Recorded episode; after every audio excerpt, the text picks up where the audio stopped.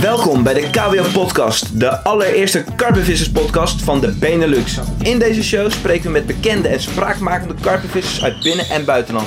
Vissers met bijzondere verhalen, vangsten en levens waar wij natuurlijk alles over willen weten. We gaan de diepte in, zetten de vissers voor het blok, stellen kritische vragen en we proberen zoveel mogelijk succesfactoren uit hun visserij te ontleden. Geniet, laat je inspireren en leer van deze gesprekken, waarin jullie tips, trucs en waardevolle informatie van de allerbeste karpenvissers krijgen. Waar je ook bent, schakel over op je relaxmodus, leun achterover op de bank of aan de waterkant, pak een bak koffie, hou je stuur goed vast en luister naar de KWO podcast. Let's go! Top, mooi. Alright, we zitten hier met eh, Teun van der Laar in onze KWO studio. Klinkt een beetje eh, dubbel, want eh, jullie zien hem niet, jullie horen hem alleen. Ik denk dat we met een paar weekjes wel eh, ook op beeld een en ander bekend hebben. Eh Teun, dankjewel voor je komst. Tof dat Ja. je bent. Leuk. Hij zit hier in zijn korte broek, want het is, eh, ja, de, de mussen vallen van het dak af. het is volgens mij 35 graden buiten. Heb je airco in die, eh, Nee, in die visbus? twee open ramen. Echt? Ja. Arco heb je. Al- Alle ramen kunnen open. Eh hey, Teun, welkom man. Ehm eerste stuk van mijn podcast is eigenlijk altijd even een beetje eh, wat achtergrondinfo over de gast van deze ja, twee weken is het eigenlijk inmiddels, elke 14 dagen. Dus vertel eens even wat meer over wie Teun van der Laar is, wat je doet, wat je uitspookt. Vertel. Ik ben Teun van der Laar. Kijk. Ik, eh, ik ben 30 jaar. Ik kom uit Zomeren. Ik ben fulltime werkzaam bij Proline. Ik ben eh, sales manager op het moment. Ja. En ja, fanatiek visser. Vis heel graag eh, rivieren, kanalen. Frankrijk natuurlijk. En eh, ja, hardwerkende jongen met eh, veel passie voor het vissen. Kijk, en altijd al karper? Ehm, vroeger begonnen op de camping met de vaste hengel op Ja. vorentjes, brasems, met, met vader en met de broer. Ja. En ja, dat is uitgegroeid naar, naar karpervissen. Vissen die twee ook nog steeds? Nee, Nee? Sinds de coronaperiode is mijn broer weer begonnen. ah ja, Ja, wel. Er zijn natuurlijk weer veel eh, mensen weer begonnen. Ja. Alleen eh, mijn vader en mijn vader niet. Die vist niet meer. Nee. Oké. Nee, en, en je vertelt natuurlijk, je komt dan uit een nest met eh, één broer.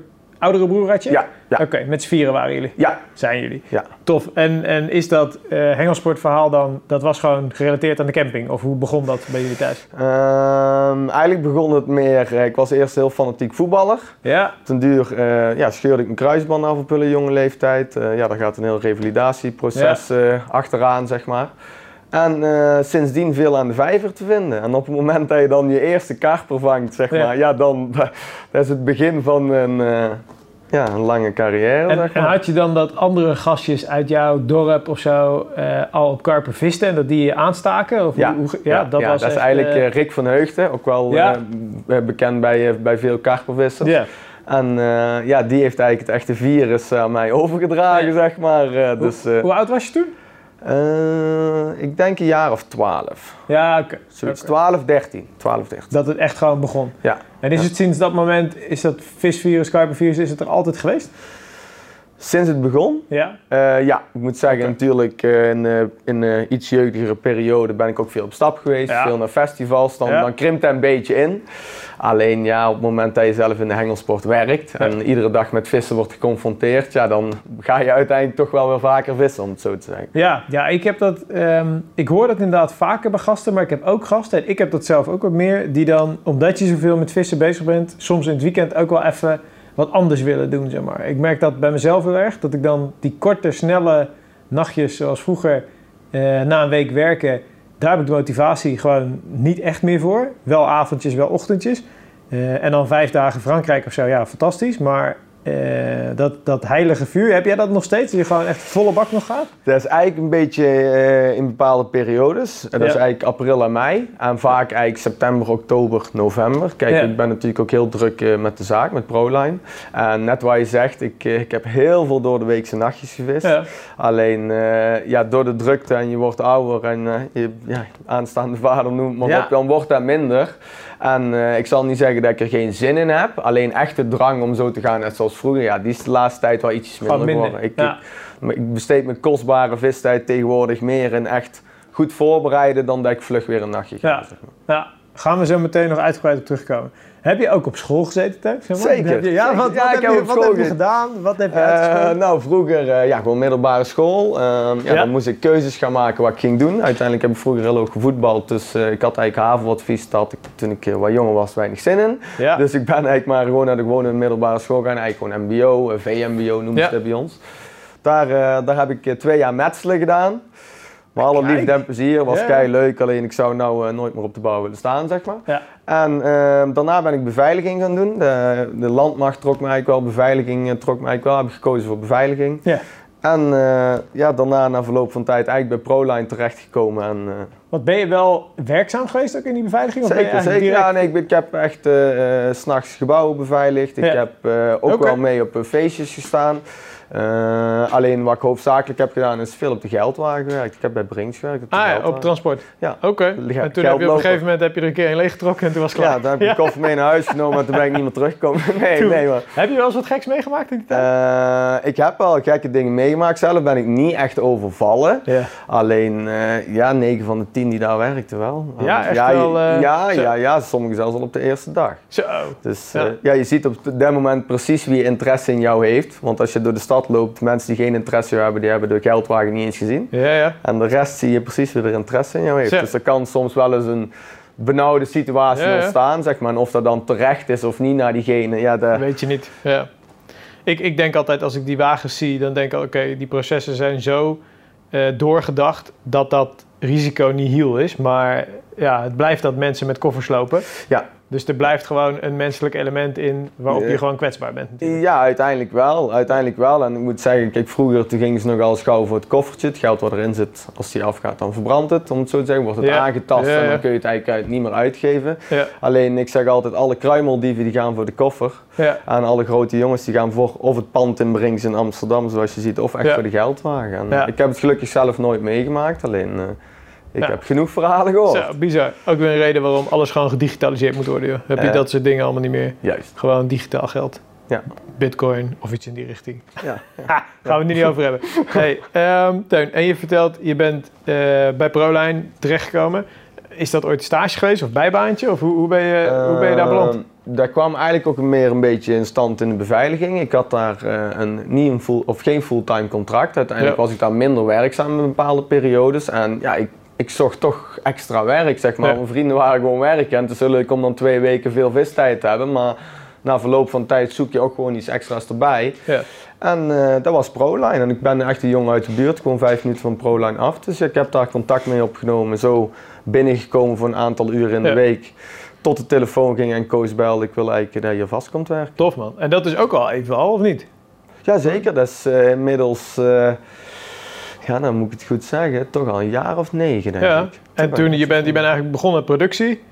Ja, toch? Eh, ja, gewoon- ja, gewoon ja. helemaal in de productie begonnen. Ja. Order pikken, productie, eh, gewoon eigenlijk alle, alle productiewerkzaamheden heb ik eigenlijk wel, eh, wel Ja. gedaan, zeg maar. En op een gegeven moment naar binnen gegaan volgens mij, toch? Ja, en vanuit daar eigenlijk gewoon doorgegroeid naar kantoor. En vanuit daar eigenlijk weer doorgegroeid tot sales manager. Ja. En sales manager, even help ons, dat is dus alle retail verkoop van Benelux? Of- Ja, ik ben verantwoordelijk voor de Benelux. Ja. En mijn collega Thomas, tevens vriend eh, Thomas, ja. die, eh, ja, die is eigenlijk eh, voor het echte international gebeuren. Die is echt voor, Ja. voor het grotendeel gewoon in Europa. Ik pak eigenlijk Nederland, België en Luxemburg op. ja. En ja, daar ben ik gewoon verantwoordelijk voor. Oké, cool. En dan is het dus winkelbezoek.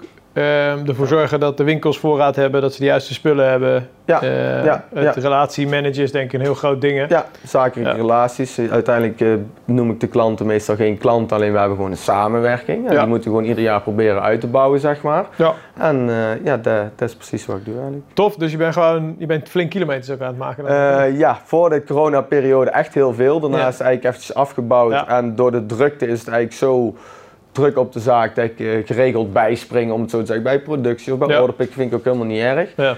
En eh normaliter gezien maak ik gewoon heel veel kilometers en Ja. rijd ik tot aan de Franse grens, tot aan Groningen. Voor je visserij biedt dat wel kansen natuurlijk. Hè? Zeker, zeker. Want dat, eh, als je eenmaal zoveel kilometers maakt, je komt letterlijk in elke uithoek, kom je natuurlijk. Ja. En via de lokale retailers heb je misschien ook wel een stukje info Zeker, Op basis waarvan je kan gaan, eh, kan gaan vissen natuurlijk een nachtje. zeker. Ik ken veel van de vertegenwoordigers denk ik in de hengelsport die dat doen. Hè? Die dus echt gewoon een, eh, een gebied pakken van oké, ik ben twee dagen in dat gebied. Ik pak vier winkeliers en ik doe twee nachtjes. Waardoor je wel echt lekker je visserij natuurlijk op niveau Ja, kan houden. Ja, Zeker. tof, tof. Hey, hoe is ehm, jouw thuissituatie? Je gaf het net al even aan. Aanstaand vader, ben je getrouwd, samen, eh, niet samen? Eh, hoe, hoe, is de, hoe is de constructie? Nou, ik woon eh, samen met mijn, eh, met mijn vriendin Christy. Ja. We zijn uiteindelijk niet getrouwd. Natuurlijk kan in de toekomst nog Wie weet, altijd. wie wie weet, weet, wie weet. Ga nou hier niet te veel verklappen. Nee, maar het kan in de toekomst natuurlijk nog altijd. We wonen gewoon samen. We hebben een, een leuke hond en eh, een, eh, een kleine opkomst uiteindelijk. tof dus, man. eh, we zitten nu jongens 26 juni terwijl we dit opnemen en ze is bijna uitgerekend hè? Wanneer is ja, eh, maandje, 27 juli. 27 juli. Oké, nou dan denk ik dat we al live, tenminste dat jij al vader bent als deze podcast live komt.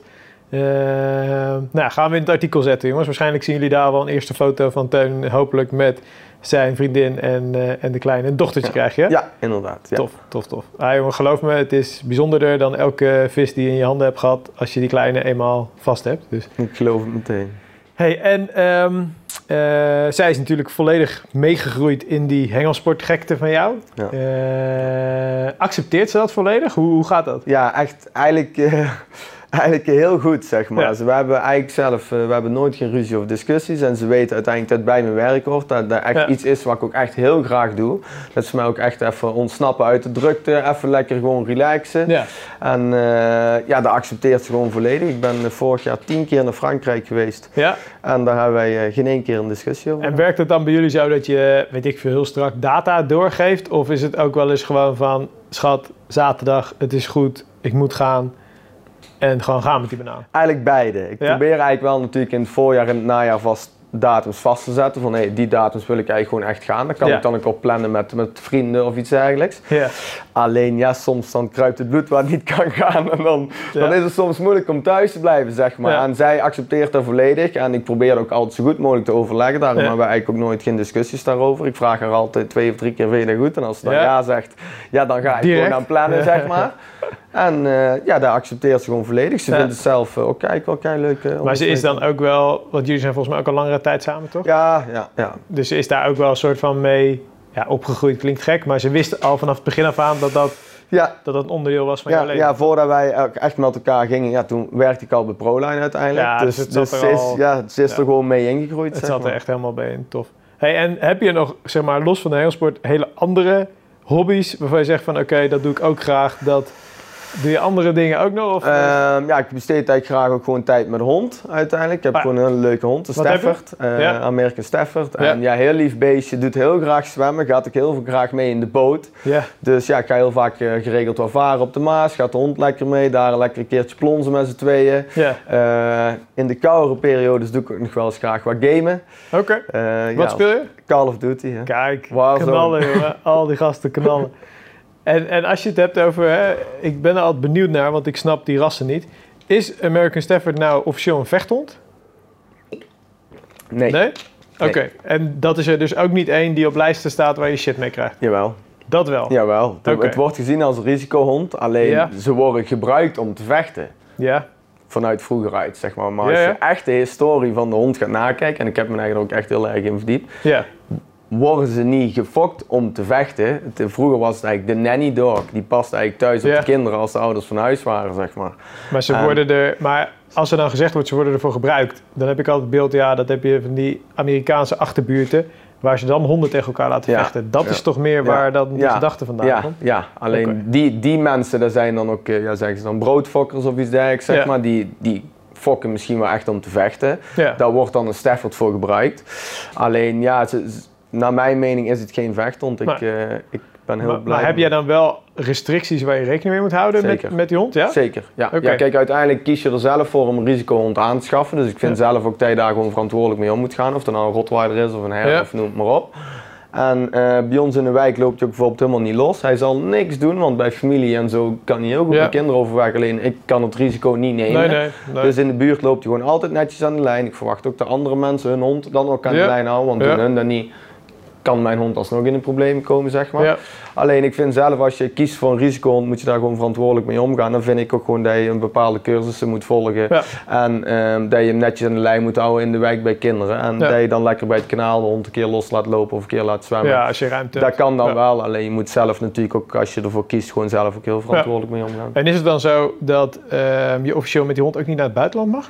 Dat klopt. Nou Ja, dus je mag niet de grens over? Ja. Oké. Ik, heb, ik heb het eigenlijk wel geprobeerd ook in Frankrijk. Ik heb zelfs eigenlijk eh, naar de Nederlandse ambassade gebeld. Ja, ja, eh, hoe ze in, dat, eh, in Parijs. Ja. Die verwezen mij weer door naar de Franse ambassade in Nederland. Omdat je een hond vanuit Nederland in gaat voeren naar Frankrijk. Netjes, en ik ben daar heel veel mee bezig geweest. Ik heb zelfs mijn eigen op willen geven voor een cursus in Frankrijk. Een dagcursus. Dat ik de hond zou meenemen. En dat ik dan daar misschien een papier krijg om aan te tonen. Ja, ja, nee, dat deze je mag. is wel goed. Alleen officieel gezien mag dat gewoon niet. Oké. Je mag, mensen nemen ooit wel eens een Stafford gewoon mee naar Frankrijk. Ja. Alleen die nemen wel ook een loop risico's met zich mee. Want Want hij kan ook in beslag genomen worden. Dat ik als dat, het echt Ja, ja. is, dan kan dat volgens mij ja, wel. ik heb dat ook wel eens gelezen. Dat je daar echt eh, dat je daar risico's neemt die je eigenlijk helemaal niet wil. Nee, en ik ga dat risico met mijn beste vriend niet nemen. Nee. En als ik dat Nee. risico wel neem, dan heb ik ruzie met mijn eh, vriendin. Ja, Dus dat moet je niet, dat gaan we gewoon niet Het doen. is, het is gek hè, hoe zo'n... ehm, ik heb dan drie jaar geleden... Ik, wij hebben nooit honden gehad thuis vroeger. Ik vond het wel altijd leuk, maar nooit gehad. En drie jaar geleden toen ik mijn vrouw leerde kennen... eh, zij had al een hond. Nou, die kwam dus bij de deal natuurlijk. Ja. En het is echt bizar hoe zo'n band met zo'n hond kan zijn. Hè? Ja. Zeg maar. Ik vind dat ook... Ik ben daar heel nuchter in. En meestal als ik dan van die baasjes die hun hond aflebberen en zo... dan denk ik, ah, dat doe ik ook niet. Nee. Maar het is wel echt een maat of zo. Hè? Zeg maar, Ja. echt, dat is echt bizar. Hè? Dat ik ook, als ik ochtends wakker word, ligt het beest op de mand gewoon naast ons bed.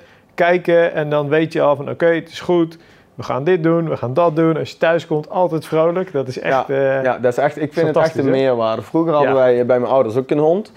Eh, maar toen moet ik zeggen, was ik wel echt nog heel jong, een jaar of eh, tien of zo. Ja, ja. En in de tussentijd daarna, tot ik op mijn eigen hebben we geen hond gehad. En ik Ja. wou er altijd alleen. En Christy maakte niet zoveel uit wat voor ras. Nou, ik wou graag Stafford, dus Ja. we hebben voor een Stafford gekozen. Ja, ik zou nooit meer zonder hond willen. Nee. Er is altijd iemand blij als je thuis komt. Ja, je wordt daar zelf zeker. ook vrolijk van. Het, is gewoon, het is gewoon echt je beste vriend. Ja, en, het, en het, het houdt je ook speels of zo. Hè? Ja. Weet je wel, dat je gewoon... Je doet gewoon mee, je rent mee. Als wij in het bos zijn, ren ik net zo goed mee. ja. Dat, eh, maar goed, het is geen hondenpodcast.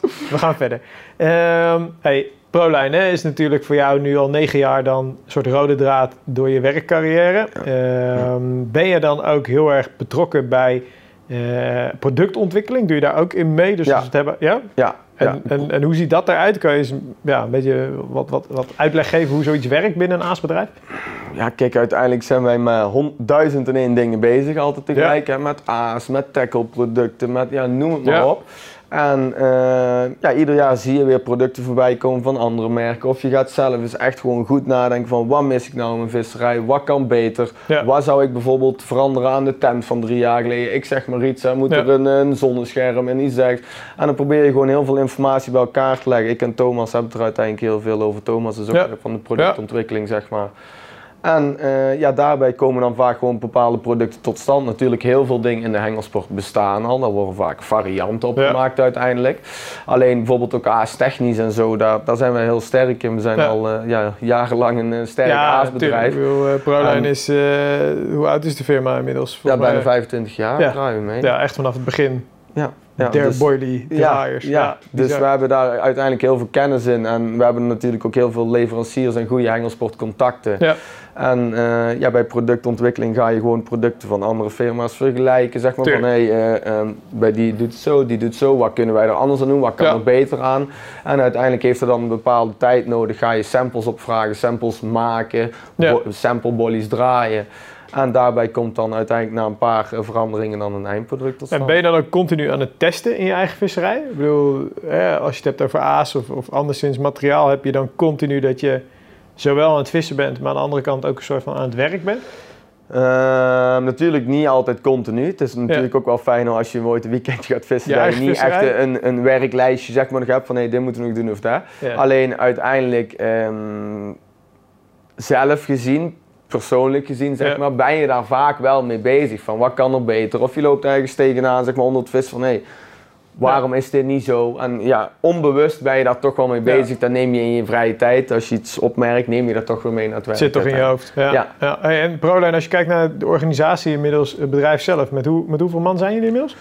Eh, 1, 1, 2, 3, 4. Even kijken. 4, 5, 6. Ja, toch een man of 10. Ja, hè, al snel. Ja, Ja, ja. Zo, tof. Oké. Genoeg over honden, vrouwen, kinderen. We gaan gewoon echt de switch maken naar, eh, naar je visserij. Eh, we gaan er lekker random doorheen en dan zien we wel waar we eindigen. Ik ben, ten eerste ben ik eens benieuwd, heb je bepaalde ehm, visambities voor 2020? Dus is er, als je nu kijkt naar de tweede helft van 2020, dat je een bepaald plan of een bepaalde aanpak centraal hebt staan, zeg maar. Hoe, hoe zie je dat? Eigenlijk is mijn, mijn jaarlijkse doel, eigenlijk staat gewoon op mijn bucketlist. Ik wil eigenlijk een Nederlandse Maas 50er vangen. Ja, En eh, ja, dat, dat is gewoon een jarenplan. Dat kan morgen gebeuren, maar dat kan ook maar zomaar over 20 jaar Ja. gebeuren. En, en waarom die Maas 50er, zeg maar? ja, dat, dat, ik ben gewoon verliefd op de Maas eigenlijk, zeg maar. Ik vis eigenlijk nooit in België op de Maas, wel een enkele keer gedaan. Alleen, ja. daar kan ik, omdat verder van huis is, te weinig tijd echt zijn en mijn stek bijhouden en noem het maar op. ja. En de Nederlandse Maasgedeeltes bij ons eigenlijk in Limburg, zeg maar. Ja, ja, ja daar, daar vaar ik al jaren rond. Al, Ja. tien, al bij wijze van al tien jaar, zeg maar. Vanaf mijn, eh, vanaf mijn twintigste kom ik daar al. Ja. En eh, ja, dat is gewoon een voorliefde die ik gewoon heb. En Ja, ze worden wel eens sporadisch gevangen. ja. Dus ja, dat is gewoon mijn droom. En als je het hebt over ehm sporadische, heb je een, een, een, een verhouding of een percentage hoeveel aanbeten, hoeveel vissen zou je moeten landen? Heb je een idee, zeg maar? Wat, wat Nee, je, nee, nee. En dat, dat is echt gewoon de Maas. Je, je, je Oké. kunt ook echt vijf weken aan het voeren zijn op de Maas. En dan Ja. zeggen vannacht gaat het gebeuren en is het gewoon helemaal niks. Dood. Ja, oké. Dus Dat- er dat is eigenlijk geen, geen pijl te trekken. Eh, nee. En kies je dan ehm, kies je jouw stekken en jouw aanpak op basis van die ene grote vis? Of vis je veel breder en Ik- hoop je dat die, dat die er doorheen komt? Zeg maar? Ik probeer eigenlijk altijd, eh, vroeger hield ik altijd een logboek bij. Ik moet zeggen, dat ben ik de laatste jaren iets minder gaan doen uiteindelijk. Omdat ik vaak bepaalde weersomstandigheden wel, wel weet wanneer ik zeg Ja. moet gaan. Alleen het is voor mij vaak heel erg jaargebonden of getijden gebonden. Aan Ja. het begin van het jaar hangt de vis bijvoorbeeld aan die kant eh, rond. Dan zorg ik dat ik daar ergens zit. En Ja. in het najaar hangt de vis weer ergens anders rond. En na verloop van jaren, na tien jaar, weet je wel in welke Wat hoek van doet. de Maas Ja. of op welk stuk je ongeveer de vissen kunt Ja. verwachten. Dan nog is dat niet altijd eh, hè, Nee, juist nee, om het zo te zeggen. Veel oppervlaktewater betekent ook dat je ook vlug verkeerd kunt zitten, zeg maar. Ja. Alleen, eh, ja, zo probeer ik het eigenlijk te, ja, te schiften. Maar heb je dan in die aanpak, ehm, daar heb je dus geen grote vissen strategie of zo, zeg maar. Ja, het is eigenlijk vaak een beetje rond de paaien en zo. Als je een beetje weet waar ze heen trekken. Ja, Ja. zo gauw als je de kleintjes begint te vangen, ja, dan weet je dat, dat je eigenlijk nog een weekje vol moet houden. En eigenlijk die Ja. mee gewoon veel moet gaan. Want dan komen die grote ook gewoon voorbij. Alleen, ja. Heb je daar een theorie achter? Want ik herken dat ook. En je hoort het ook veel natuurlijk, dat de kleinere vissen eerder die paai inschieten. Eh, heb je daar een theorie achter waarom dat eigenlijk zo is? Nee, dat durf ik eigenlijk echt niet te Dat, zeggen. dat, dat is er misschien jongere vis of zo die eerder af wil paaien? Of- Ja, dat, dat, dat zou misschien zo kunnen zijn. Dat Ja. durf ik niet te zeggen. Ik zie wel altijd echt op het begin eh, op de paai plaatsen bij de Maas als ik, eh, als ik eh, denk dat het gaat gebeuren en ik ga kijken. Dat je echt vaak eerst ziet dat echt eerst de allemaal afpaaien. Dan Ja. zie je een hoop gespletter en een hoop golf en dan ga je met de boot kijken. Zijn het allemaal brazen. Vaak is het dan echt één of twee dagen helemaal niks. Dat je echt ook gewoon geen één vis ziet. Ja. En ja, dan komen vaak die kleine karpers en zo voorbij. Ja. En ja, ik denk dat die groter gewoon net iets langer eigenlijk moeten rijpen, zeg maar, om, om Ja, af te dan, staan, eh, zeg maar, ja.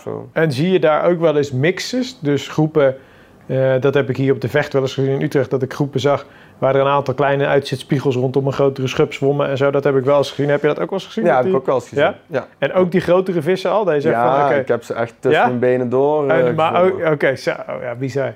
En die vissen zijn natuurlijk alle, eh, hoe zeg je dat? Ze zijn alle angst zijn ze kwijt, hè? Ja. Dat is, dat is zo, ja. Ze zijn echt gewoon maar met één ding bezig. Ja. Dat, en, en in die periodes heb je dus, je weet gewoon dat die vissen waar je op jaagt, die zitten er. Je hebt ze gezien, ja, je die weet dat ze zitten er er. zijn. Die zitten er. Ja. Dus ze worden gevangen. Ik denk wat, maar goed, als je het op jaarbasis Nederlandse Maas 50ers, wat zou er gevangen worden? Weet ik niet, tien? Ja, max denk ik toch? Ja, of zo. Ja, ja, bizar. Ja, mooi doel. Zijn ogen glinsteren, jongens. Dus, ja, eh, het is, dat, het, dat het- kan ik het, houdt hem, het houdt hem bezig. Oké, en als je dan kijkt dus naar jouw visserij... Goed, dat is jouw doel voor tweede helft 2020. Mhm. En eh, hoe ziet die visserij er nu uit? Want je leven gaat natuurlijk veranderen, die kleine komt Ja. eraan. Maar vis jij nog, nog wekelijks je nachten of, of, of spaar je op? Of hoe doe je Dat pro- dat? probeer ik eigenlijk wel te doen. Ik moet zeggen, ik, ik durf steeds eh, minder ver te rijden op het moment, zeg maar. Omdat mijn Logisch. vriendin natuurlijk, ja. ja, die is er klaar voor, zeg maar. Ja, En, eh, alleen ik probeer eigenlijk wel nog wekelijks te gaan. En de, varieert eigenlijk per week, ook afhankelijk van de drukte op het werk en zo Ja. natuurlijk. Alleen, eh, ja, ik, ik wilde eigenlijk wel gewoon volhouden eigenlijk tot, tot ik echt even daar niet meer kan gaan. ja.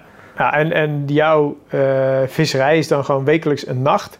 En is dat vaak dan dat je thuis eet en daarna naar de waterkant gaat bijvoorbeeld? Of ga je vanuit Eh, werk direct? Ja, het begint echt ook met de voorbereiding. Ik, eh, als ik echt aan de gang ben op de Maas, dan rijd ik echt ook gewoon drie eh, keer in de week eigenlijk op en neer alleen al om te voeren. Ja, ja, dat kost mij iedere, iedere, iedere keer een hele avond, zeg maar. Want Ja. je moet een half uur of drie kwartier heen rijden, een bootje oppompen, moet een heel stuk varen, Ja. ook nog voeren. Dan, ja, je gaat natuurlijk niet haasten, dus je doet het gewoon lekker op je gemakje. En dan is je weer terug, je zo een paar uurtjes verder. Dat doe ik dan gemiddeld drie keer in de week. En dan is het afhankelijk van de vangsten of ik bijvoorbeeld nog een nacht blijf zitten. Ik probeer eigenlijk meestal twee nachten te plannen, dat ik tijd heb om ook Ja. twee nachten te blijven zitten. Eh, is het de eerste nacht niks en ik heb zoiets, kan nog komen, blijf ik zitten. Maar laatst wou ik twee nachten gaan en had ik in, na één nacht eh, 18 kopvorens. Ja, toen had ik echt meer als, eh, ja, volgens mij 12 kilo of zo die nacht opgevist. Ja. Met bijvoeren zelf Ja, gewoon. Ja, toen ben ik ingepakt en naar huis gegaan. Want ik denk anders... Ja, En, en is dan dat eh, ritme, dus drie keer voeren eh, sessie, dat is een, een soort standaard voor je? Of voer je- Nee, dat is, dat is ook eigenlijk een beetje afhankelijk van de tijd. Alleen ik zelf vind het wel prettiger om, om vooral op de Maas, het is echt gigantisch hoeveel hectare het bij elkaar is. Vind ik het wel prettig om op een voorgevoerde stek te zitten. Ja. Dat, dat geeft zelf gewoon vertrouwen en ik ben er eigenlijk wel heilig van overtuigd op de Maas dat dat altijd wel weg is als ik weer kom, zeg Ja, maar. ja. En ja, dat doet mij gewoon vertrouwen. En als ik maar één single volley op eh, 5000 hectare eh, moet gaan zitten, dan... dat eh, eh, voelt minder goed. Dat Eh, begrijp ik wel. Dat zie ik ook wel zo. Hey, en als je, ehm, eh, jij zegt dan, joh, eh, het is afhankelijk van het jaargetijde.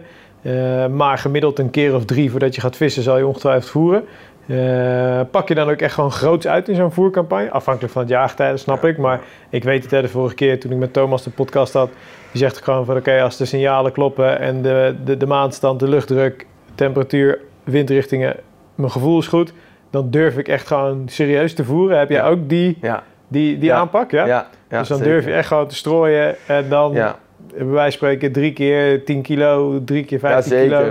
Ja. Dat, dat is gewoon echt eh, zo. Ja. Ja, bizar. Nou ja, goed, nu heb je natuurlijk ook de luxe dat dat vanwege het werk wat makkelijker is dan, Zeker. dan voor de gemiddelde visser natuurlijk. Zeker. Ehm, en je hebt dan zoveel, eh, je, je voert zo stevig dat je eigenlijk die vis op die rivier ook vast weet te houden dan. Eh, ik denk niet dat je ze echt vasthoudt. Ik denk ook dat het aasgedrag van de karper op de rivier gewoon heel anders is dan op de kanaal uiteindelijk. Ja, Ehm, alleen je creëert gewoon echt dat vissen daar gewoon eigenlijk stoppen op het moment dat dat voer daar ligt. En als Ja. ik daar gewoon op woensdagavond, of ik zeg maar op dinsdagavond 10 kilo voer, voer ik heel gespreid vaak. Ehm, dan trekt daar gewoon een hele school vis op. Dat zijn vorens, dat zijn brasems, Ja. zijn karper. Maar op het moment dat de vorens en brasems aan het azen zijn, stopt een karper daar ook voor. Want Ja. die zit gewoon, oh, er ligt voer. ja. En die gaan mee eten. En op het moment dat ik dat dan eigenlijk drie dagen achter elkaar volhoud, ben ik er eigenlijk wel van overtuigd, omdat ik zo gespreid voer, dat die vissen in de omgeving in een de- beetje blijven hangen. En je houdt ze niet altijd helemaal vast, want ze gaan sowieso op de rivier geheid ook weer zwemmen. Je hebt Ja. de stroming, de scheepsvaart, noem maar op. Dus ze gaan ook wel weer echt gewoon zwemmen. Alleen, eh, ik denk dat je daardoor een bepaalde neiging creëert bij die vissen, of het nou vorens, brassers of karpers zijn Ja.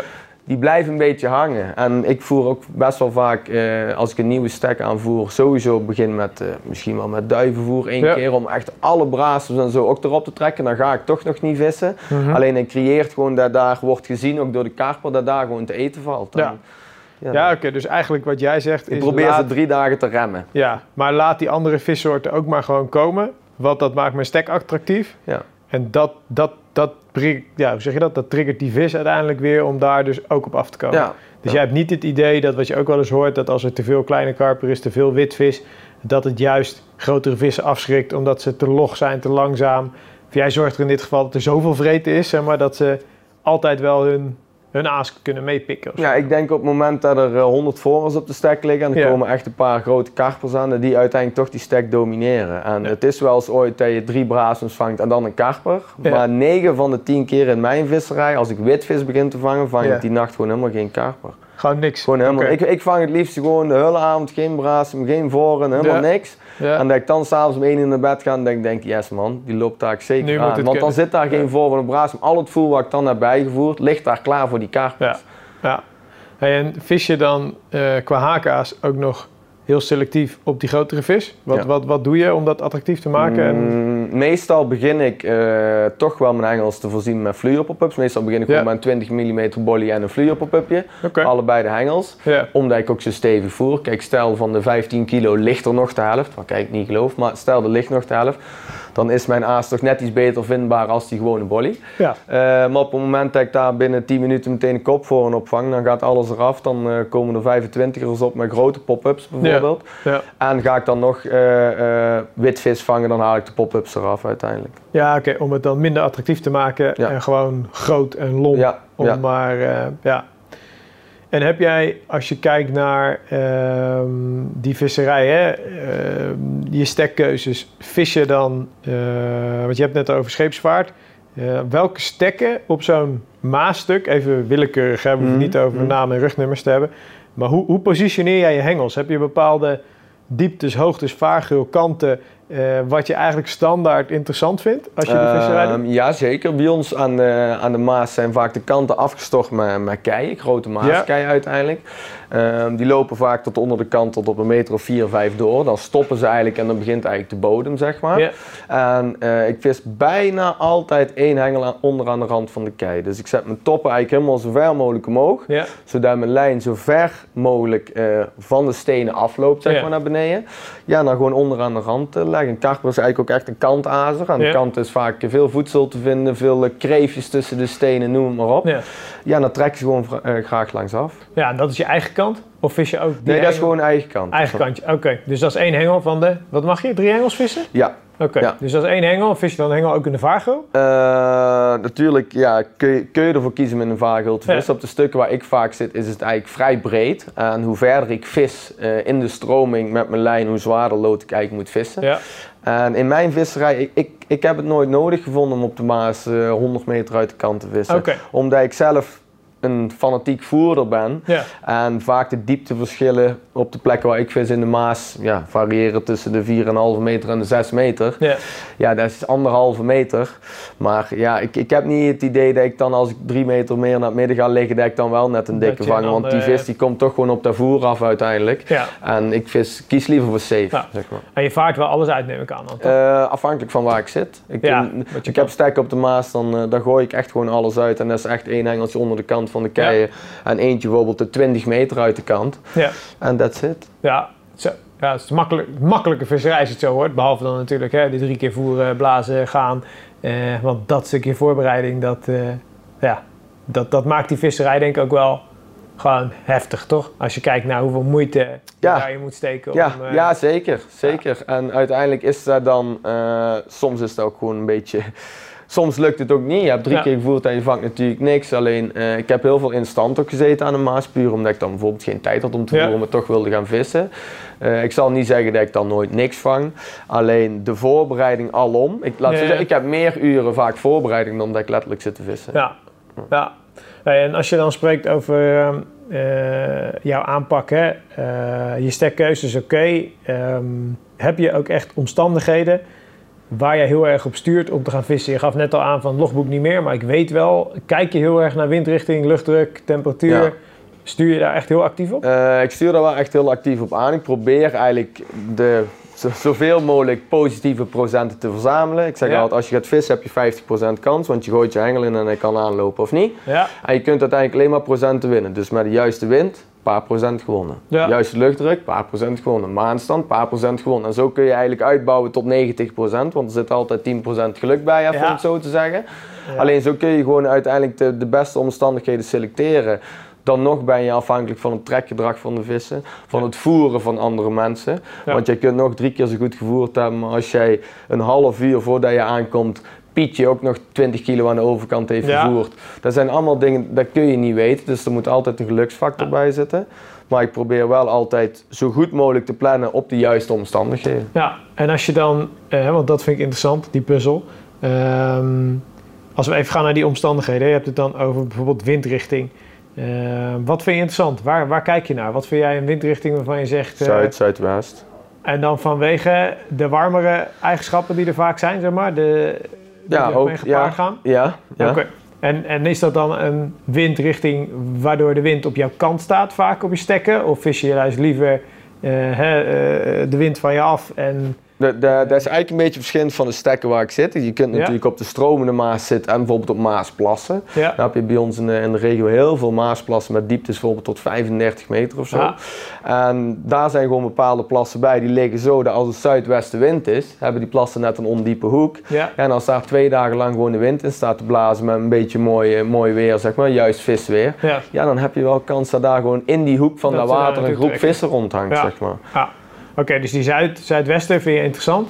Ja. Ehm, luchtdruk, hoe, hoe interpreteer jij de waarden? Waar kijk je naar? Welke... Ja, ik, ik had vroeger bij het kanaal schreef ik altijd alles op. En daar kwam ik eigenlijk gewoon iedere keer uit tussen 1010 en 1018. Ja. En bij 1010 en 1018 ving ik bijna, kreeg ik bijna altijd beet, ving ik bijna altijd vis. Ja. Ook had ik natuurlijk toen daar wel gewoon een voerstek. Alleen ik heb ook verschillende keren in stand gevist. En ik kreeg tussen de 1010 en 1018 gewoon verreweg het meeste beet. ja. En dan ook nog een, een opwaartse of een neerwaartse trend? Of hoe zag je dat? Ehm, ja, eigenlijk in principe, volgens mij, moet ik het even goed nadenken, volgens mij vaak wel bij een neerwaartse.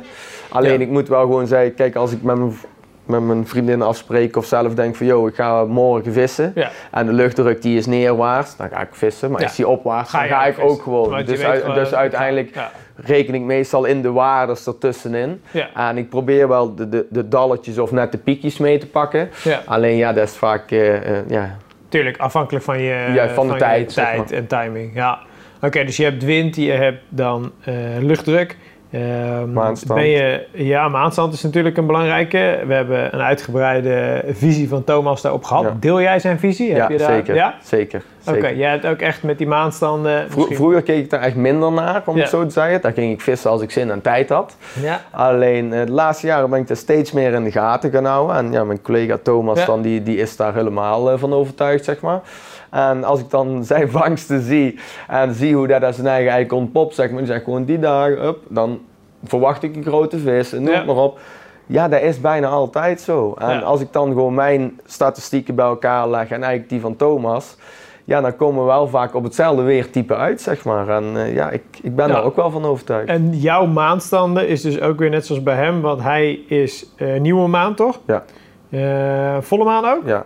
Dus volle maan, nieuwe maan? ja, eigenlijk de twee dagen ervoor, twee dagen daarna. Ja, dat is de range waarin jullie de focus leggen van oké, dat. eh, hè, en ik heb dat hem ook gevraagd, hè, maar hij wist daar ook niet echt exact. Heb jij een idee wat dat dan met die vis of wat dat met de omstandigheden doet? Ik denk door, door het licht uiteindelijk, wat er die nacht is, normaal is het eigenlijk bijvoorbeeld met, eh, met volle maan, Ja. eh, door het licht wat er die nacht is, denk ik gewoon dat die vis gewoon iets actiever is. Ik ken ook een paar mensen die doen eh, jagen en wat Ja. ik dan hoor, zeg maar, zeggen ze ook dat met volle maan eh, de dieren s'nachts buiten ook actiever zijn. Ja. Eh, wordt er vaak ook meer gejaagd, hebben mensen beter zicht. Ja, en ik herleid eigenlijk daar ook een beetje voor door het karpervissen, zeg ja, maar. die activiteit van die vis. Ja, Ja. bizar. Oké, dus de maantheorie is ook bij jou in je kop en jij voert hem ook uit, zeg maar. Je bent daar ook echt actief mee bezig. Heb je daar een bepaalde, heb jij daar een app voor of hoe hou jij dat bij? of Eh, kijk je gewoon... eh, Ja, ik heb een app, Weather Pro heb ik gewoon. Daar Ah, kan, kan ik eigenlijk het weer in kijken. En ik heb nog een appje eigenlijk van de maanstanden, dat je kunt Ja. zien hoe ver die is, hoeveel procent zeg maar. Ja, hoe heet die? Je? Eh, Phases of the Moon, ik. Faces of the Moon. Oké, app, tip, jongens. Ja. Better Pro is de betaalde variant, hè? Dat ja. is toch wel de beste, daar krijg je de meeste info uit. Ja. En daar heb je met name Better, Better Pro gebruik je luchtdruk, windrichtingen, eh, temperatuur natuurlijk, neerslag, de hele ruimte Ja. Maar Faces of the Moon gebruik jij voor de percentages. Ja. Ja. En dan kun je ook precies zien welke dagen het volle maan is, welke dagen het nieuwe maan Ja. is. En daar zou je dan ook bewijs van naartoe kunnen voeren. Ja, ja, interessant. Oké, ehm, watertemperatuur, is dat nog een factor voor jou waar je actief mee bezig bent? Eh, in principe wel, maar dat is meer eigenlijk een beetje in het begin van het jaar, zeg maar. Of echt in het hele late najaar. Zo gauw Ja. als het water eigenlijk boven de 10, 11 graden is, kan ik weer zeggen dat ik weer beter durf te verwachten op het kanaal of op de Ja. Maas, zeg maar. Eh, ik ben zelf niet groot van stuk, maar ik zeg bij ons altijd aan het kanaal, als het riet tot aan de knieën staat, dan Ja. begin je weer te vangen, zeg maar. Ik heb eh, heel winters doorgevist op het kanaal, sporadisch een visje. Ja. Alleen op het moment dat het riet weer bij mij tot aan mijn knieën stond, dan begon ik altijd weer vis te Dan vangen. startte het weer op. Ja. Oké. En ehm, maasvisserij, hè, want dat, ja, dat, dat vind ik wel reet interessant om daar verder over te spreken. Ehm, je hebt al een paar keer genoemd, scheepvaart. Eh, heeft scheepvaart naar jouw mening een bepaalde invloed op je vangsten? Ik bedoel, wat, wat doet dat? Zuigt het zu- ah, voerplekken leeg? Verspreidt het heel veel? Heeft het invloed op vis? Wat, wat, wat denk Ik- je dat scheepvaart? Ik, ik denk dat eh, scheepsvaart op de Maas minder invloed heeft op de vis als bijvoorbeeld op een smal kanaal. ja. Eh, vissen op de Maas kunnen op honderden plekken uit de stroming gaan liggen. Die kunnen een Maasplasje opschieten, noem het Ja. maar op. Ehm, natuurlijk is de Maas vaak ook ietsjes dieper als, eh, als het kanaal. Dus de, de stroming, de trek van de boot heeft denk ik iets minder invloed op, op het gedrag van de vis, zeg maar. Ja. Omdat ze uiteindelijk veel meer ruimte hebben langs de boot. Dus die boot horen ze onder water al van 500 meter aankomen, Ja, zeg maar. Ja. En die vis die kan gewoon alle kanten op. Op kanalen is dat denk ik gewoon iets anders. Maar eh, ja, ik hou daar wel zeker rekening mee. En ook echt met het voeren uiteindelijk. Ik moet zeggen, op de Maas iets minder. Omdat het zo breed is en ik dicht aan de kant voer, heb ik vaak geen last van de schepen. ja. Eh, maar op het kanaal bijvoorbeeld, daar voer ik echt s'avonds na 10 uur. Omdat dan de sluizen dicht zijn. Die gaan pas ochtends om stiller. 6 uur weer open. Dus het voer waar je s'avonds om 10 uur voert, blijft ook echt daadwerkelijk tot plus minus 6 Ja. uur op je stek liggen. het liggen.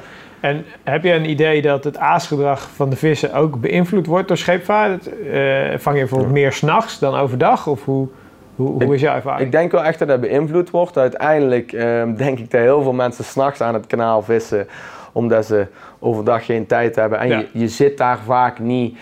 eh, je hebt geen uitzicht. Je hebt vaak een autoweg aan de overkant. Je, Ja. je, je zit prettiger aan een vijver overdag als aan het kanaal. ja. Ehm, alleen uiteindelijk denk ik wel dat de scheepsvaart op het kanaal wel echt gewoon invloed heeft op het gedrag van de vis en het azen. Ik heb al zo het eh, zelf ook meegemaakt dat mensen zeggen als de- het schip door de vaargeul gaat en Ja. is de woelt de bodem om, dat als je bijvoorbeeld je hengel binnendraait als die eraan komt, dat je gooit hem erachter, Ja. dat je wel kans hebt dat je een beet krijgt. En ik vond dat zelf altijd een beetje een broodje aap verhaal. Ja, Toen heb ik dat zelf een paar keer geprobeerd, omdat ik niet...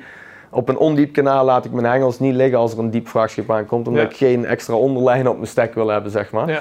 En dan draaide ik ze binnen en dan gooide ik gauw erachter. En dan heb ik toch een paar keer wel echt serieus gewoon beet gekregen. Ja, dus, dus vissen die... Sommige vissen schieten denk ik achter de vrachtschepen door die heel dicht op de bodem Ja. gaan. Omdat daar gewoon al die piertjes en alles weer omgevoerd omhoog wordt, zeg maar. Daar hoeft Volgens- alleen maar achter te zwemmen. Volgens mij heeft Roelof Schut dat in een podcast met mij ook een keer eh, aangehaald. Dat hij op zijn kanaalvisserij dat ook wel zag.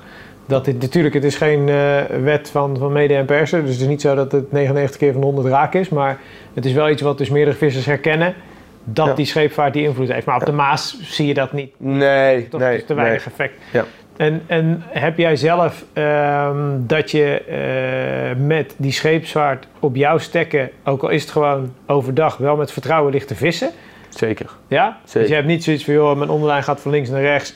Eh, hoe wordt het verplaatst? Wat voor vuil komt er over mijn stek heen? Ehm, nee, eigenlijk niet echt. Ik moet zeggen, ik ben daar wel heel strikt in. Ik besteed heel veel tijd in voorbereiding. En daardoor ben ik, als ik zit te vissen, wel echt ook kanaal vrij scherp. Dat ik zoiets denk, als hij niet goed ligt, ligt hij niet goed. En dan draai ik hem binnen, want Ja. die tijd is veel, te- sorry, de tijd is veel te kostbaar eh, dat ik daar uiteindelijk zit. ja. Ehm, alleen, ja, ik, ik denk uiteindelijk dat als je, als je goed voorwerk doet, Ja. geregeld voert op de stek, dat die op de bodem vrij schoon blijft, van drijfvuil dagen Ja. laten zeg maar.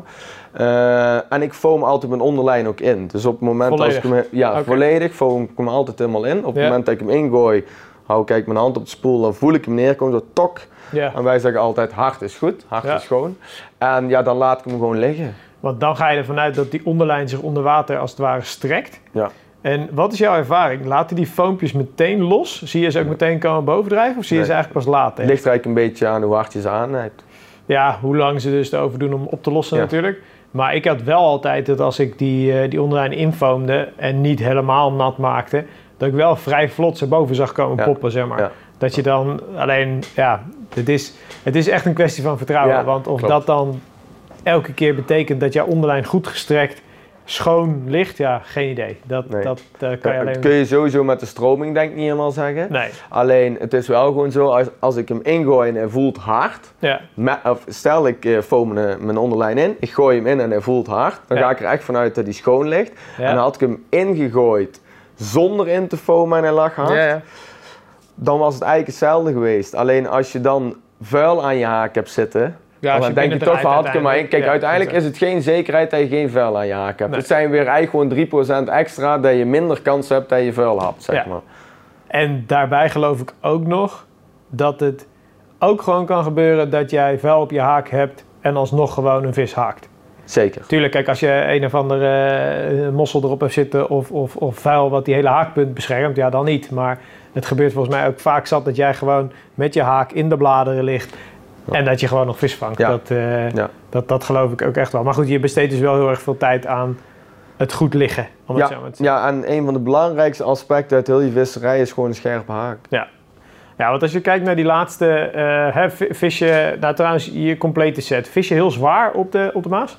Dus Eh, als je het hebt over hengels, eh, big pits, de hele dikke lijnen, eh, hoe ziet je ja, ik moet zeggen, ik heb eigenlijk altijd wel een hele zware visserij. Ik vis bijna altijd of in Nederland dan op op het kanaal of op de Maas. Veel scheepsvaart, veel stroming, dikke lijnen, zwaar lood, zwaar Ja. onderlijnmateriaal.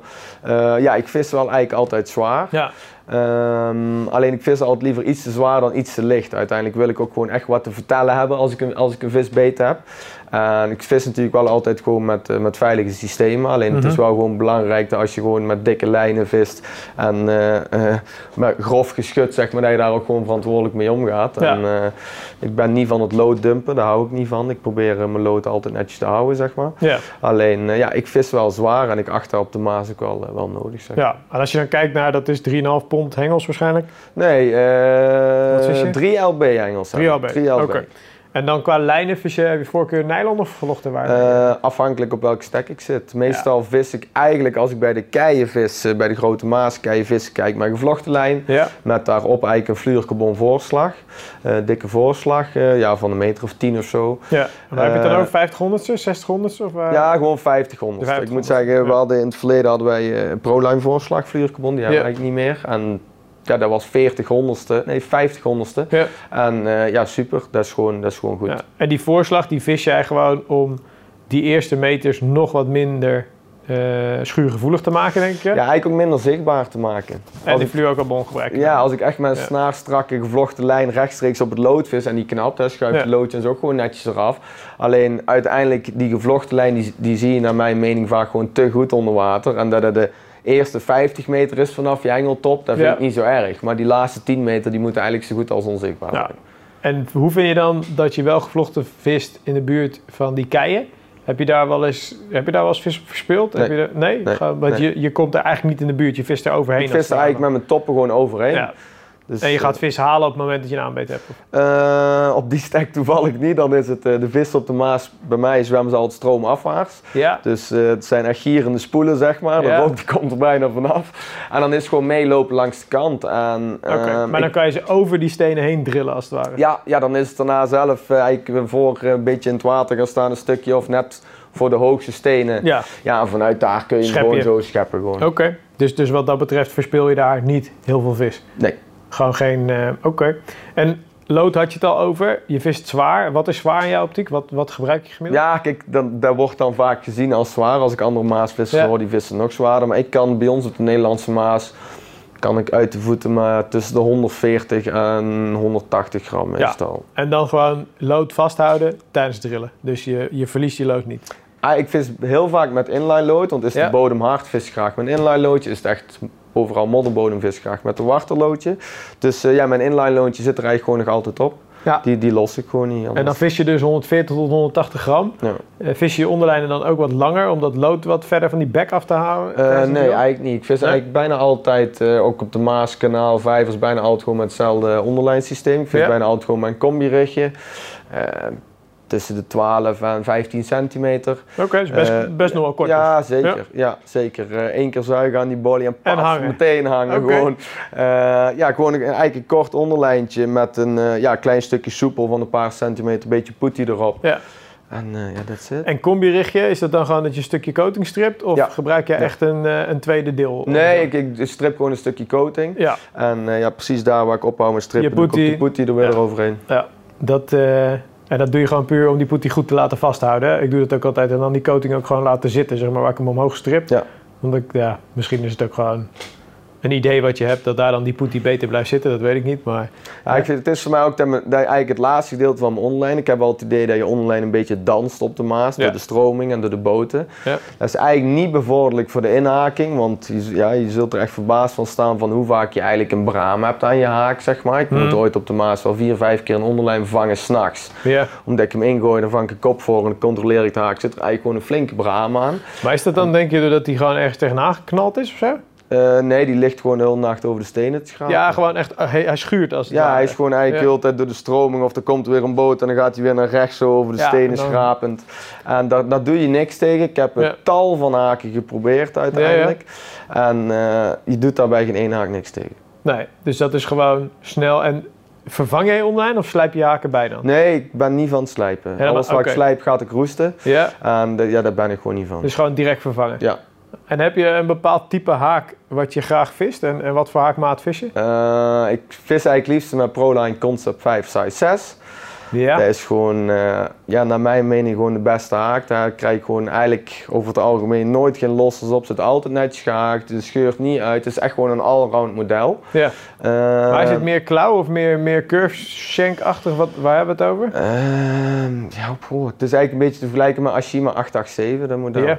En dat is gewoon, dat is een, een, een rechtstaand oog of staat er iets Ja, in? dit, nee, het is een rechtstaand oog met Ja. een lange punt. ja Het is gewoon een En rechtstaand oog, eigenlijk ook met een rechte punt die ook niet naar binnen staat, maar Nee, gewoon nee, gewoon recht overeind. Maar wel een vrij grote bocht dan, toch? Eh, ja, een grote bocht. Oké, Ja. want die vis je bewust ook, want je wil natuurlijk wel, je wil wel gas kunnen geven. Ja, en ik vis eigenlijk ook niet be- bewust op de Maas met maatje 4. Ik kan altijd overal waar ik vis uit de voeten met maatje 6. Ja. Alleen ik heb al het idee als de, eh, de vis gehaakt zit tot net onder de weerhaak, dus met een grotere haak is een stuk tot net onder de weerhaak ook groter, dan gaat jouw haak uitbuigen. Maar zit jij eenmaal, of zit de vis eenmaal gehaakt tot in de haakbocht of net daar voorbij, dan buigt hij niet uit. Dus daarom vis je eh, groter in dat geval. Ja, ik vis gewoon een size 6. Dat is eigenlijk precies passend. En dan vind ik gewoon een mooie lengte tot aan de bocht. En dat is passend voor het kanaal, passend voor de Maas. En dat is gewoon mijn allround Ja. haak. En daar staat Ja. gewoon niet aan. Vis je die nog met een lijnenliner? Ja. Oké. Ja. Dus gewoon een stukje krimkous of, of uh, Eh, ready-made? kan, eh, kan, kan ook ooit een, eh, een kant-en-klare liner-liner Ja. zijn uiteindelijk. Ehm, natuurlijk blijft gewoon eh, zelf eh, krimkous blijft het beste zitten uiteindelijk. Kan ik niet verdraaien op de haak. Ja, Alleen eh, ja, wel altijd maar liner-liner. ja.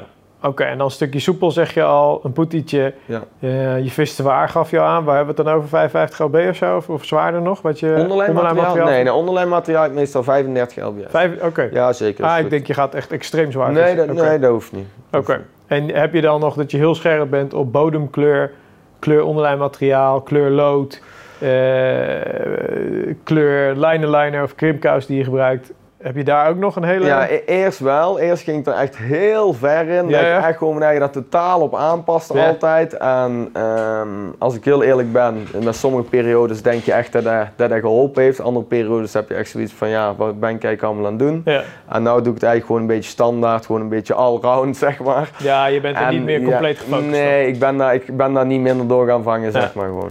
En ehm, heb je het idee dat op zo'n Maas, veel besproken, ehm, heerst daar echt dressuur? Zijn die vissen daar echt...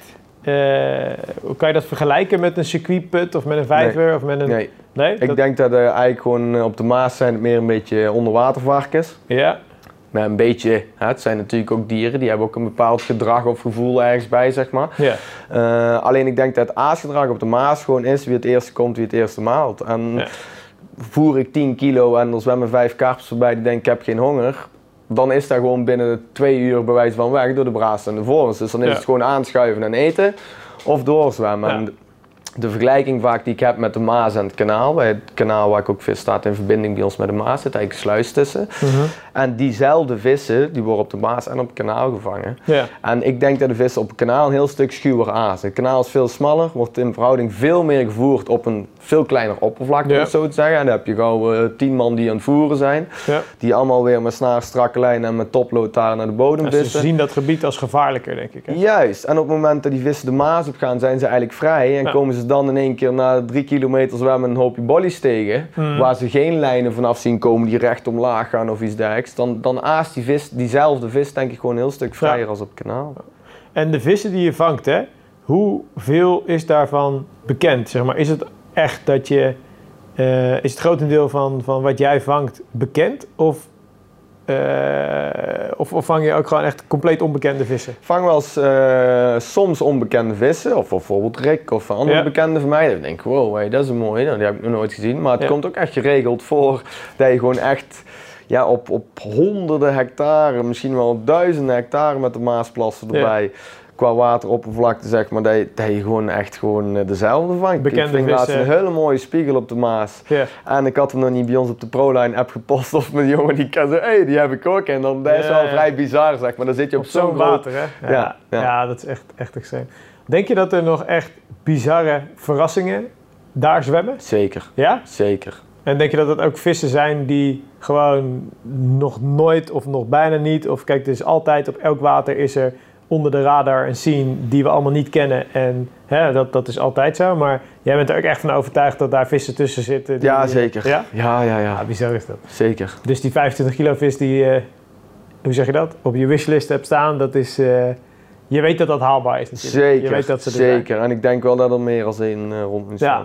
Ah, bizar. Hey, en ehm, een belangrijk onderdeel natuurlijk van jouw visserij, eh, ook gezien je job, is, is aas. Ja. Ehm, wat is nou een, een bol waarmee jij graag uitpakt? Zeg maar? Waar moet hij aan voldoen?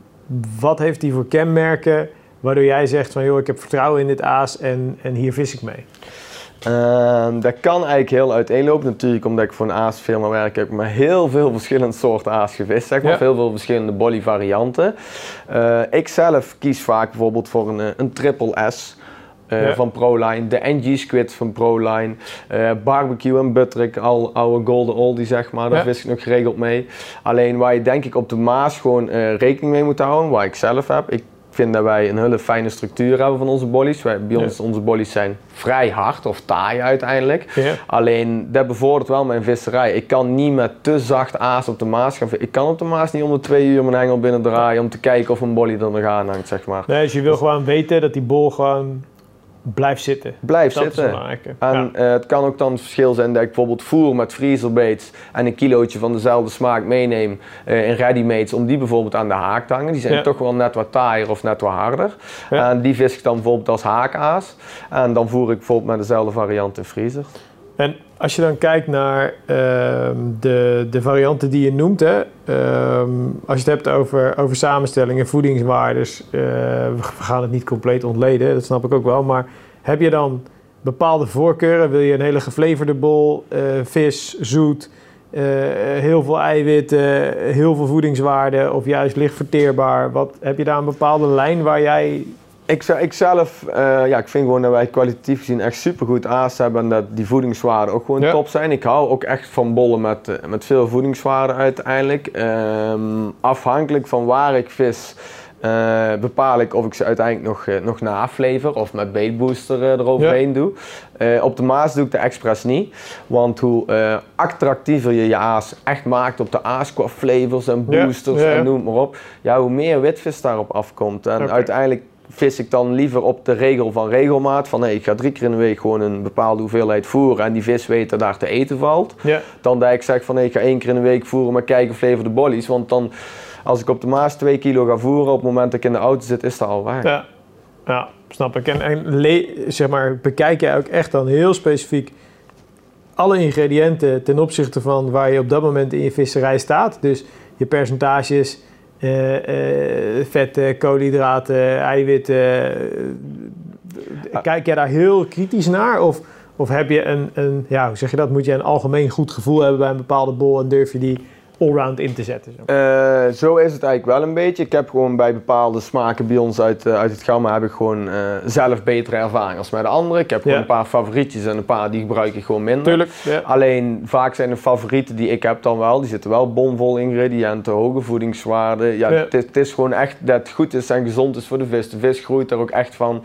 En ik denk als je echt gaat voeren eh, met bollies met hele lage voedingswaarden, zeg maar, Ja. dat uiteindelijk op langer termijn die vis die ook Verlies minder die graag ja. eet, zeg maar. Kijk, Ja. als je echt een heel attractieve bolly hebt of een, een goede bolly die eh, de vis graag eet, die makkelijk verteerbaar is en die ze ook nog makkelijk kunnen uitpoepen, om het zo te zeggen.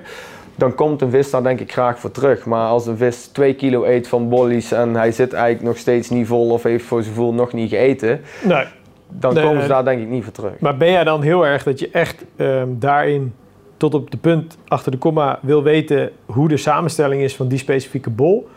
Ben je daar ook echt mee ja, bezig? weet, Ja? weet- maar dat weet ik ook. Oké, ik ook. zover gaat het ook in jouw visserij dat- je, dat, dat je dat stukje ook echt compleet eh, kent. Ja, uiteindelijk ehm, ja, komen wij bijna ieder jaar eigenlijk met een nieuwe bolly uit. Ja. Ehm, daar wordt natuurlijk binnen kamers eh, flink over gespeculeerd. Er worden testbadges gedraaid, er Ja. worden proefjes uh, Telefield zegt, oh hier heb je een zakje, probeer eens een keer, eh, wat kan er beter, wat kan er Ja. slechter.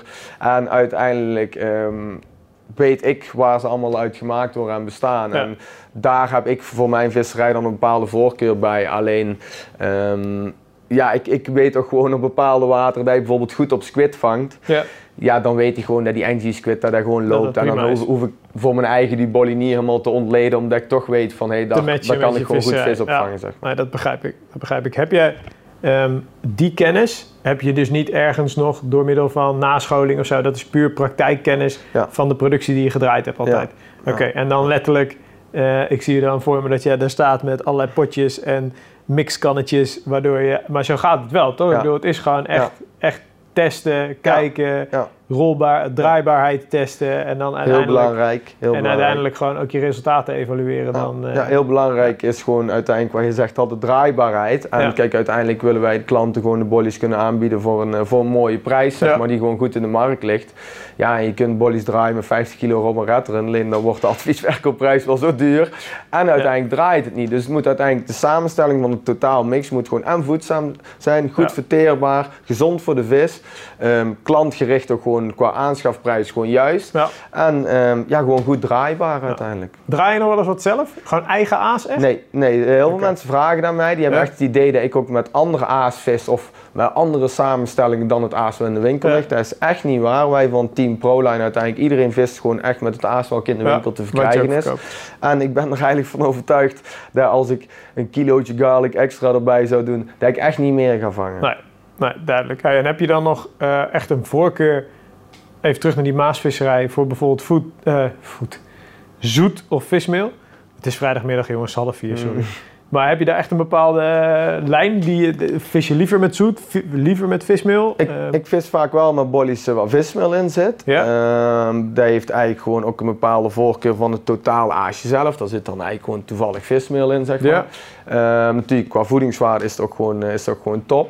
Alleen, eh, het is wel zo met vismeelbollies, of heel attractieve bollies, zoals bijvoorbeeld een barbecue en buttrick, ja. dan is de kans op bijvangsten natuurlijk wel groter. Dus Ja. ga je bijvoorbeeld op de Maas vissen met alleen een zoete smaak, die goed verteerbaar is, waar geen vismeel in zit, geen butterik, ik zeg Ja. maar iets, dan is de kans op bijvangsten ook minder natuurlijk. Ja. En, eh, Ja, nee, dat snap ik. Dus daar kijk je eigenlijk meer naar wat past er dan op dat moment in dat plaatje.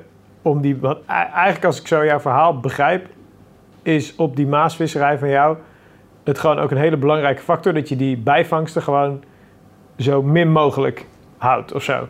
Want en het vernacht je nachten natuurlijk. ja, En je bent je aas kwijt, want die karpers die hebben niet het aas kunnen vreten. ja. En je wil natuurlijk niet om eh, het uur de boot in moeten om weer eh, een kopvorm van, ve- van Juist. 40 centimeter eraf Het, te het halen. wil ook wel eens Ja. helpen. En die tip die heb ik ooit gekregen van, eh, van een vriend. Ja, Ehm, die meldde mij uiteindelijk, en vond ik wel een hele goeie. eh, stel je bent stevig aan het voeren op de Maas en je vangt echt op beide hengels, waar je ook lichte vis op je voerstek. Witvis is het misschien wel eens ooit verstandig om bijvoorbeeld een emmer mais mee te nemen. Ja. Eh, op het moment dat jij gaat vissen, kiep je die emmer mais eh, 30 meter verder om. Ja. Je gaat gewoon nog steeds vissen op de stek waar je gevoerd hebt. Alleen dan kan het zijn dat de witvis zijn eigen gaat verzamelen op de mais. Ja. En daar is uiteindelijk je voerstek nog rust laten. Ja, dus je, je fopt ze en eh, vervolgens focus je op de karpen. Ja. Nou ja, interessant. Hey, wat zijn ehm, eh, fouten die jij veel eh, ziet worden gemaakt, of misschien zelfs wel, zelf wel gemaakt hebt, in zo'n zo'n aanpak van zo'n maasvisserij? Dus hè, je weet het wel, de cowboys die denken we gaan de maas aanpakken. Wat zie je daar vaak fout gaan? Zeg maar, in die visserij. Ja, ik heb dan vaak het idee dat mensen of, of te ver willen vissen, of te licht vissen. Kijk, Ja. die hebben dan zoiets, die, vissen vaak op een verenigingsvijver, komen dan weer bijvoorbeeld met een loodje aan van 100 gram. Blijft de hele nacht weer niet liggen, zijn er een hoop ergernissen. Ja. Ehm, vissen in periodes wanneer de stroming eigenlijk te hard is. Eh, je kunt op de site van de Rijkswaterstaat kun je eigenlijk opzoeken hoe hard de. Maas stroomt. Eigenlijk hoeveel kuub water eigenlijk door de sluis gaat. Eh, ik durf het uit mijn hoofd niet precies te zeggen, maar boven een bepaald aantal kubus kun je gewoon beter thuis blijven, zeg maar. Ja. En daar zijn eigenlijk gewoon dingen in ervaring. Ik ben eigenlijk ook als leek begonnen op de Maas. En je kunt eigenlijk niet veel fout doen, je kunt eigenlijk alleen maar leren. En iedereen doet het uiteindelijk allemaal anders. Alleen als ik zie waar ooit andere mensen vangen terwijl ik het zo niet zou doen. Mhm. Ja, dan heb ik ook wel zoiets van nooit van doe ik het nou niet verkeerd. Ja. Alleen op, op de Maas kun je denk ik niet heel veel verkeerd doen. Het belangrijkste is dat je haak scherp is Ja. en dat je gaat vissen. Ja, nou, dat zijn twee ingrediënten, daar kan je voor zorgen, jongens. Maar daarbij zeg je dus materiaal op orde. Dat is een belangrijke. Ja. Ehm, en, en hoe is het nog als je het hebt over een stukje veiligheid? Ik bedoel, bij jullie in de regio is dat gewoon, vis jij heel relaxed. Je, je vaart natuurlijk, dus je Ja. zit op moeilijk begaanbare stukken, denk ik. Vaak wel. Vaak, wel. Vaak zit eigenlijk op stekken, daar kun je eigenlijk niet, eh, niet met de auto komen. Vaak Ja. de stekken waar je standaard met de auto kunt komen, zijn vaak ook de bekende stekken die Ja. het meeste vol zitten. Ja. Eh, ik moet zeggen, de laatste periodes heb ik wel wat ergernissen aan de Maas door de, door de eh, Duitse of Poolse bezoekers die vanuit, eh, vanuit het grensgebied komen. Bij ons is een vergunning een stukje goedkoper als in Duitsland bijvoorbeeld. Ja, dus, Ehm, ja, die komen allemaal bij ons echt de grens over. En ik moet zeggen, het was een paar weekenden geleden echt tot eh, bomen afbreken aan toe. Gewoon om, Ja. omdat ze kampvuur willen maken. Ja, dan, ja, dan schiet ik wel uit mijn slof. Dan vind Ja. ik gewoon als ze de natuur af willen breken, dat ze dat maar bij hun in de buurt moeten doen en Ja. niet bij ons. nee, dat is, eh, ja, dat is lastig. Daar moet gewoon op gehandhaafd worden. Uiteindelijk wel, ja. Oké, tof. Eh, een paar random vragen heb ik nog voor je. En dan gaan we naar het laatste deel, kiezen of delen. Ik wil jou vragen, heb je in de afgelopen jaren een product in jouw visserij gehad? Eh, hè, kan Entekel zijn, hengels, Ja. weet ik veel wat. Waardoor jouw visserij echt vele malen efficiënter, beter, makkelijker, eenvoudiger is geworden. Waarvan je echt zegt, van, ja, dat is echt een eye-opener. Ik ben benieuwd van, heb je daar iets... Ja, uiteindelijk eh, de nieuwe accu. De ProLine accu. Die Ja. zorgt voor heel veel eh, gebruikersgemak, zeg maar. Maar gewoon niet meer slepen met 30 kilo. Niet meer slepen met accu's, langdurig kunnen varen op Ja. één accu. Niet eh, iedere Frankrijk-sessie zes accu's mee moeten nemen en eh sjouwen, zeg maar. Ja. Ja. daar zijn wel gewoon dingen, daar heb ik gewoon heel veel gebruikersgemak van gehad, zeg maar. Ehm, ja, zo zijn er nog wel wat producten uiteindelijk. Alleen, ja, dus bijvoorbeeld een kleinere ProLine onthaakmat. Die hebben we ook voortaan. Het scheelt allemaal weer Ja. want je moet heel veel overvaren bij de Maas uiteindelijk. Probeer echt wel efficiënt zo weinig mogelijk spullen mee te nemen. Vooral als ik alleen ga, want onnodig op en neer varen, dat is ja, Het schiet niet op. Je wil Nee. gewoon een compacte uitrusting. juist. Ja. juist. Kijk, hey, heb je een eh, tip voor een visser bij jou uit de omgeving... waarvan je zegt van oké, die heeft een bijzonder verhaal, bijzondere kijk op zijn visserij... Ehm, ja, die ook eens leuk is om, om te interviewen op deze manier. Oké. heb ehm, je iemand vanuit jouw eh, kringen? Of je zegt van, hè, die heeft een bepaalde technische aanpak of tactisch... of die is heel veel daarmee bezig, interessant onderwerp. Ja, ik, ik ken wel wel mensen, alleen uiteindelijk weet ik niet of, of hè, een, een zelf in principe dat, dat zouden eh, willen. ik ga het gewoon eens proberen. maar heb je een Ehm, tip? Wie, eh, Ja, kijk, ik vind eh, Roy Driessen, dat is eigenlijk een jongen ook bij ons uit het team. Heel Ja. fanatieke maasvisser, daar heb ik zelf echt al heel veel van geleerd, Ja. van die beste jongeman. En ja, die, die is gewoon echt bloedfanatiek. ja. Die, die kent de Maas zeg maar op zijn duimpje. Ehm, iemand die ik ook wel eh, weet van dat hij veel vis kent, is steeds bijvoorbeeld eh, Peter van der Zanden. Ik ja. weet niet of je Peter kent. Ja, ja, Peter gaat al heel naam, wat eh. jaartjes uiteindelijk mee. En Peter is ook echt heel fanatiek, zowel op de Maas als op de kanalen. ja. Ehm, ja, is ook een goede bekende van Bjorn Eemans uiteindelijk. ja. Ehm, even denken. Twee, ah, twee boys zijn, zijn meer dan genoeg, Teun. Dat, eh, ik moet ze eerst maar eens gaan strikken. Dus Peter van der Zanden en Roy Driesen, zei je? Ja. Oké, tof. Ga ik noteren. Hey, we komen bij het laatste deel. Eh, kiezen of delen. Gewoon even eh, eerste reactie, gas erop. Nou ja, de eerste weet ik denk ik wel. Zoet of vismeel? Waar vis je liever? Vismeel. 10 of 12 voet hengels? 12. Toch 12? Ja. Kijk. Caddy of een transporter? Transporter. Ja, die wil grote, heel Ja, ruimte. zeker, ja. Vissen op de Maas of vissen in Frankrijk? Ja, dan kies ik toch voor vissen in Frankrijk. Toch naar Frankrijk. Voorvoeren of instant vissen? Voorvoeren. Nylon of gevlochten? Nylon. Ja, nylon mag je vissen. Wat voor honderdste visje? Wat, wat even voorkeur? Hoe dik? 40 of 50. Toch wel? Ja. Oké. PSV of Roda? PSV. Carnaval of een weekje vissen? Eh laatste jaar is daar vissen. Maar eerst? Ja, helemaal eerst was het carnaval. Ja, ja. Dat is ook echt, ja, wij kennen dat hier boven de rivieren, kennen wij dat. We kennen het wel, maar we hebben dat nooit zo beleefd als jullie dat natuurlijk beleefd hebben. Eh, nee, een onbekende 22 kilo schub of een bekende 25 kilo spiegel? Onbekende 22 kilo. Openbaar of BTW? Openbaar. Het verschil maken met aas of het verschil maken met rigs? Aas. Nooit meer vissen of nooit meer seks? Ja. Je hebt, al, je, je hebt je al voortgeplant, hè? Dus je kan... Meer eh, of nooit meer ja, jongen. Ja, nooit meer seks dan, hè, want hoor bij werk. bezig, lekker bezig. Wie is de betere visser? Koos Megens of Thomas van Gestel? Thomas van Gestel. Ah. Met de vrouw een weekje naar Centerparks of met een vismaat naar Frankrijk? Met de vismaat van Frankrijk. Ja, je bent wel eerlijk, Teun. Respect, hoor. Teun, grof voeren en wachten op de vis? Of wil jij gewoon lekker verkassen en elke keer met maten voeren en afromen? Zoals mijn Nederlandse visserij eruit ziet, is het echt voeren en wachten. Ja? En in Frankrijk pak ik graag een keer mijn spullen en schuif ik weer eh, een stukje door. Ja? Dan ben je echt mobiel. Tof. Hey, ehm, we zijn aan het einde gekomen van deze podcast. Ik wil jou hartelijk bedanken voor jouw ervaring, kennis, verhaal dat je met ons gedeeld hebt. Ehm, heb je nog een afsluitende boodschap voor vissers waarvan je zegt, jongens, dit wil ik jullie meegeven. Ik vraag dat altijd als afsluiter. Misschien heb je nog een wijze, heb je wijze woorden. Wijze woorden. Nou, Wijze mijn wijze woorden zijn: ga met, eh, met respect met elkaar om. Ga Ja. met respect met, met de natuur om. En eh, de grootste kans op het haken van een vis is met een scherpe haak. Zorg dat je altijd scherp zit te vissen. En gewoon gaan vissen. Gewoon gaan bedoel, vissen. Dat was ook jouw 50%. Je Ja. moet gewoon gaan. En, Ja, als en- je je hengel ingooit en je gaat, dan heb je eigenlijk al 50% kans. Ja, cool. Hey, ehm, laten we even een, een, een voorspelling gaan doen. Zeg maar, laten we afspreken dat de eerstvolgende keer dat jij een 25 kilo vis op de Maas hebt gevangen, dat we direct dan een podcast maken met elkaar. Ja. Eh, binnen nu en hoeveel jaar gaan we, gaat dat gebeuren? Een beetje Binnen nou een 2,5 jaar. 2,5 jaar. Oké, dus dan hebben we het over 21, dus dan hebben we het over eind 2022. Ja, Moeten we zover zijn. Nou, Ja. daar, daar zetten we een kratje bier op. eh. dat is goed. Ja. Dankjewel. dat is goed. Jongens, ehm, over en sluiten. Eh, mochten jullie vragen hebben over Teun of over zijn visserij. eh, hij is gewoon bereikbaar. Ik denk dat Facebook misschien nog het allermakkelijkste is Ja, hè, om met jou in contact te komen. Zoek hem even op. Teun van der Laar. Of ben je, heb je een andere beroepsnaam Nee? Teun van der Laar. Kijk, gewoon lekker nuchter.